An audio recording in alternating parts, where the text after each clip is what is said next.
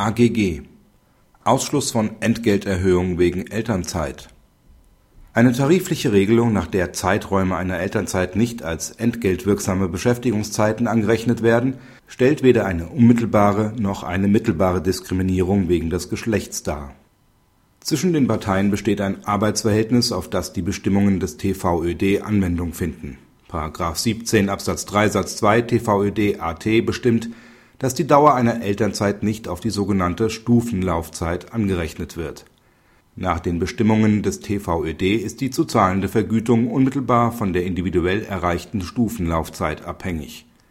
Die Arbeitnehmerin ist der Auffassung, dass eine von ihr genommene Elternzeit auf die Stufenlaufzeit angerechnet werden müsse, da sie andernfalls in unzulässiger Weise diskriminiert würde nach Ansicht des BAG führt die streitige tarifliche Bestimmung nicht zu einer unmittelbaren oder mittelbaren Diskriminierung von Beschäftigten wegen ihres Geschlechts. Das AGG ist auf den Streitfall anwendbar. Eine mittelbare Diskriminierung liegt bereits deshalb nicht vor, weil Elternzeit sowohl von Frauen als auch von Männern in Anspruch genommen werden kann.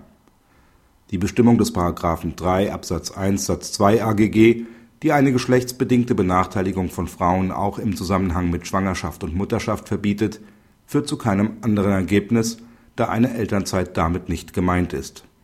Die tarifliche Regelung führt auch nicht zu einer mittelbaren Diskriminierung von Frauen, die Elternzeit in Anspruch nehmen. Erforderlich bei einer mittelbaren Diskriminierung ist die Darlegung, dass Träger eines der Merkmale des § 1 AGG entweder zahlenmäßig oder durch andere Umstände in besonderer Weise durch eine neutrale Vorschrift benachteiligt sind. Bei tariflichen Regelungen ist dabei die Gesamtheit der Personen, die von der Regelung erfasst werden, der Gruppe der Personen gegenüberzustellen, die durch die Regelung benachteiligt wird. Sodann ist durch einen Vergleich der Gruppen zu prüfen, ob Träger eines Diskriminierungsmerkmals besonders benachteiligt sind im vorliegenden Fall hat die Arbeitnehmerin nicht dargelegt, dass Beschäftigte, die Elternzeit in Anspruch nehmen, im Vergleich zu anderen Beschäftigten, bei denen die Stufenlaufzeit aufgrund anderer Unterbrechungen der Arbeitstätigkeit ebenfalls gehemmt wird, in besonderer Weise nachteilig betroffen sind. Es ist insbesondere nicht festgestellt, dass gerade weibliche Beschäftigte, die Elternzeit beanspruchen, überproportional häufig oder materiell besonders gravierend durch die Hemmung der Stufenlaufzeit im Gegensatz zu anderen Beschäftigten bei denen die Stufenlaufzeit ebenfalls durch andere Umstände gehemmt wird, betroffen wären.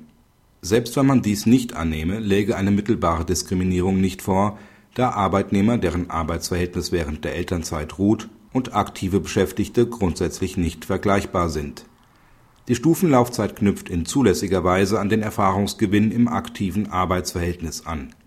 Nach der Rechtsprechung des EuGH darf die Elternzeit bei Entgeltbestandteilen, die auf das aktive Arbeitsverhältnis abstellen, anspruchsmindernd berücksichtigt werden. Praxishinweis Die Entscheidung macht deutlich, dass der Nachweis einer mittelbaren Diskriminierung im Zusammenhang mit der Inanspruchnahme von Elternzeit äußerst schwierig ist. Hinzu kommt, dass bei der Prüfung der nach § 3 Absatz 2 AGG erforderlichen besonderen Benachteiligung Tatbestandsvoraussetzungen der Norm, Rechtfertigung und Gleichbehandlungsfragen verschwimmen und eindeutige Ergebnisse kaum vorhersehbar machen. Dies wird an der umfangreichen Begründung der Entscheidung deutlich, der sich an etlichen Stellen nicht eindeutig entnehmen lässt, welchem Merkmal der Norm das Gericht seine Ausführungen eigentlich zuordnet